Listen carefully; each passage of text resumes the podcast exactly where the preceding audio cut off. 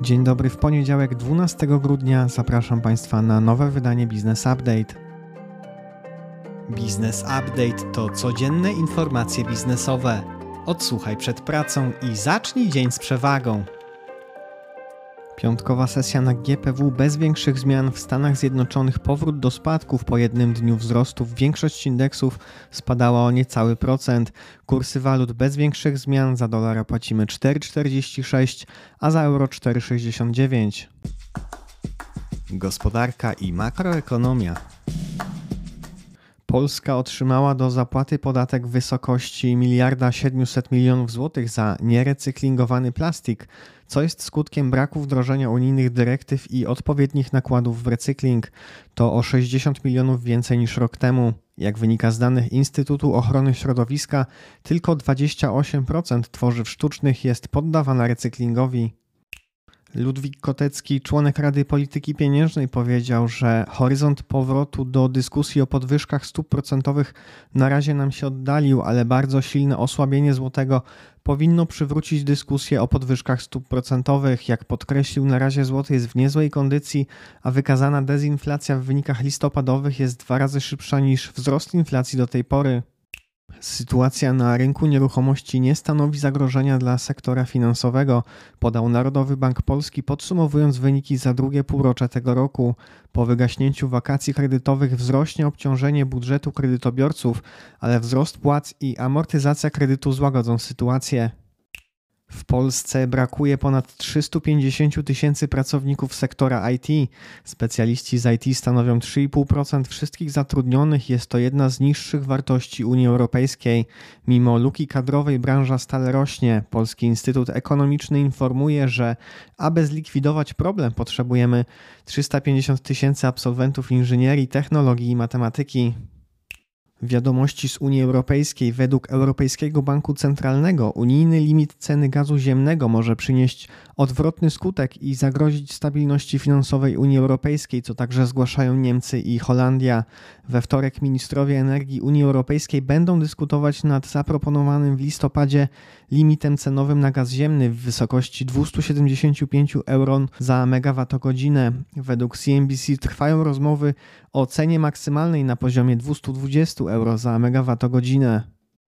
W Hiszpanii powiększa się liczba osób żyjących na skraju ubóstwa i wykluczenia społecznego. Według danych ponad 13 milionów osób, czyli prawie 28% ludności Hiszpanii, boryka się z problemem biedy. Bez wdrożenia tarczy socjalnej przez rząd byłoby ich o 1,5 miliona więcej. Wiadomości ze świata. Wskaźnik inflacji producenckiej w Stanach Zjednoczonych w listopadzie był gorszy od oczekiwań ekonomistów i wyniósł 7,4%, gdzie spodziewano się 7,2%. Ceny z października na listopad wzrosły o 0,3%. Wiadomości z Chin. List od Foxconn, największego podwykonawcy Apple, pomógł przekonać przywódców Chin do poluzowania obostrzeń covidowych. W liście Tergu stwierdził, że polityka zero COVID zagraża pozycji Foxconn w globalnych łańcuchach dostaw. Spółka zwróciła się również o większą przejrzystość wpływu przepisów na zachowanie pracowników. Informacje biznesowe. Giełdowa IMS, oferująca sensoryczne pakiety muzyczne omijające ZAX-y dla sklepów, rozwija projekt własnej bazy muzycznej Closer Music na wzór skandynawskiej Epidemic Sound czy Artlist. Projekt posiada obecnie prawa autorskie do bazy około 3,5 tysiąca utworów, która jest ciągle rozwijana. Spółka IMS ma w projekcie 85% udziałów i zainwestowała do tej pory 12 milionów złotych z własnych zysków. W przyszłym roku projekt planuje poszukać inwestorów i pozyskać kolejne 10 milionów. Wiadomości ze świata Chevron i Exxon, amerykańskie giganty naftowe, na projekty energetyczne wydadzą połowę zarobionej gotówki. Exxon przeznaczy na inwestycje do 25 miliardów dolarów, a Chevron do 17 miliardów.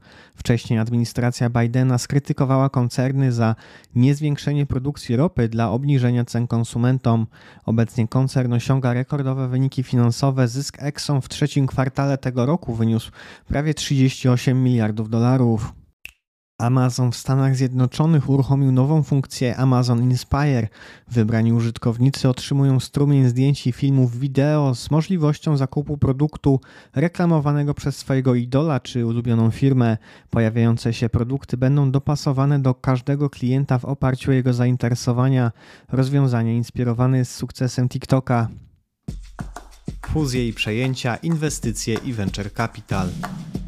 Sieć przychodni stomatologicznych Dentity z portfela funduszu Tarhill Capital ma już 14 punktów z 66 gabinetami i wygeneruje w tym roku 70 milionów przychodów. Oprócz wzrostu organicznego do 100 milionów złotych obrotów w przyszłym roku planuje kilka akwizycji.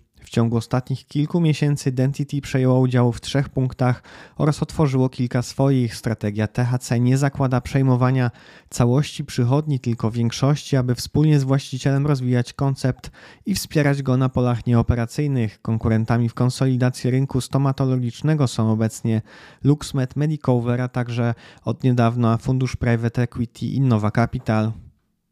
PGE zawarła z Europejskim Bankiem Inwestycyjnym umowę kredytową na 2 miliardy złotych celem realizacji projektów w obszarze dystrybucji. Pieniądze wydatkowane będą na program kablowania linii średniego napięcia, przyłączenia kolejnych odbiorców oraz instalację liczników do zdalnego odczytu. Deweloper Robyk wyemituje obligacji serii PE o łącznej wartości 110 milionów złotych z marżą 4,85%. Wiadomości ze świata. Szwajcarski bank Credit Suisse sfinalizował ostatnią część zbiórki 4 miliardów franków szwajcarskich emisji pomocowej, dzięki czemu poprawiła się płynność spółki. Inwestorzy nabyli 98% akcji z oferty prawa poboru na łączną kwotę 2 miliardów 240 milionów franków szwajcarskich. Pozostałe miliard 800 milionów dostarczyło konsorcjum z największym udziałowcem Narodowym Bankiem Arabii Saudyjskiej prawo i podatki. Pracodawca lub jego pracownik, którzy w przyszłym roku otrzymają powołanie do odbycia obowiązkowych ćwiczeń wojskowych, otrzymają uposażenie oraz wyrównanie utraconych dochodów. Zleceniobiorcy otrzymają żołd Pracodawca ma obowiązek udzielić pracownikowi urlopu bezpłatnego na czas odbywania szkolenia z zachowaniem wszystkich praw i świadczeń pracowniczych, z wyjątkiem prawa do wynagrodzenia. W przyszłym roku Ministerstwo Obrony planuje wezwać do odbycia ćwiczeń wojskowych ponad 200 tysięcy osób. Dyrektor Krajowej Izby Skarbowej wydał interpretację, z której wynika, że zawieranie umów z lokatorami za pośrednictwem platformy internetowej nie oznacza, że właściciel wynajmowanego mieszkania musi zakładać działalność gospodarczą. Sąd Najwyższy orzekł, że granice wolności gospodarczej stanowi m.in. zakaz dyskryminacji. W sprawie dotyczącej dyskryminującego traktowania przez pracodawcę pracownicy dokonującej zmiany płci, Sąd Najwyższy przychylił się do orzecznictwa Trybunału Sprawiedliwości Unii Europejskiej, z którego wynika, że tożsamość płciowa objęta jest ochroną państwa, jeżeli rozumiana jest głęboko, jako głęboko odczuwane wewnętrzne i indywidualne doświadczenie płci społecznej która może nie odpowiadać płci określonej przy urodzeniu, włączając w to osobiste odczucie własnej cielesności i inne formy wyrażania własnej płciowości poprzez ubiór, mowę czy sposób zachowania. Sąd Najwyższy uwzględnił skargę nadzwyczajną rzecznika finansowego w sprawie oddolnego powództwa klienta dotyczącego naruszenia jego dóbr osobistych poprzez bezpodstawne wpisanie danych osobowych kredytobiorcy w centralnej bazie danych bankowego rejestru, tzw. Tak rejestru niesolidnych dłużników i doprowadzenie tym samym do rozpowszechniania nieprawdziwych informacji na jego temat. Sąd Najwyższy Unii Europejskiej orzekł, że Google ma usunąć wyraźnie niedokładne dane z internetu. Sprawa dwóch dyrektorów firm inwestycyjnych trafiła do Trybunału Sprawiedliwości Unii Europejskiej, gdy ich nazwiska miały odnośniki do krytycznych artykułów o spółkach. Zwolennicy wolności słowa i prawa do prywatności chcą mieć możliwość usuwania swoich cyfrowych danych z internetu, jeśli są nieprawdziwe i mieć prawo do bycia zapomnianym.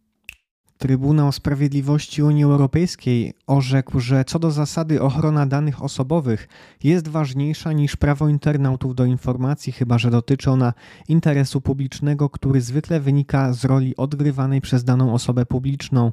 Prawo do swobody wypowiedzi nie znajduje zastosowania w sytuacji, gdy dotyczy treści nieprawdziwych, dlatego operator wyszukiwarki internetowej ma obowiązek usunąć na żądanie osoby dane nieprawdziwe, jeżeli dysponuje ona odpowiednimi dowodami. Wszczynanie procesu sądowego nie jest tu konieczne. Parlament i Rada Europejska osiągnęły wstępne porozumienie w sprawie przeglądu unijnych przepisów dotyczących baterii.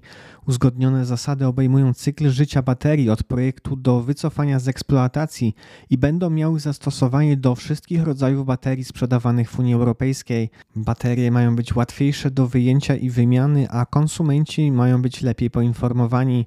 3,5 roku po wejściu w życie przepisów baterie przenośne w urządzeniach muszą być zaprojektowane tak, aby konsumenci mogli je łatwo wyjąć i wymienić samodzielnie. Wiadomości ze świata Ramesh Sany Balwani, były prezes i dyrektor operacyjny firmy Terranos założonej przez Elizabeth Holmes, został skazany na 13 lat pozbawienia wolności w związku z 12 zarzutami defraudacji środków finansowych inwestorów poprzez popełnienie oszustwa elektronicznego. Niedawno Elizabeth Holmes została skazana na 11 lat więzienia w związku z popełnieniem oszustwa z pokrzywdzeniem inwestorów. Wiadomości rynkowe. Jak wynika z danych Big Info Monitor, branża kosmetyczna to sektor, który ma się najlepiej mimo kryzysu gospodarczego. Polacy nie oszczędzają i chętnie korzystają także z usług salonów beauty. Zadłużenie sektora wzrosło o 7,5% w porównaniu z rokiem ubiegłym. Najbardziej zadłużony jest sektor napraw sprzętu komputerowego i artykułów AGD, który zwiększył zadłużenie o ponad 160%. Raport Ministerstwa Rozwoju i Technologii informuje, że do grudnia tego roku wpłynęło ponad 1000 zgłoszeń na budowę domu do 70 m2. Pobrano około 20 700 bezpłatnych projektów domów.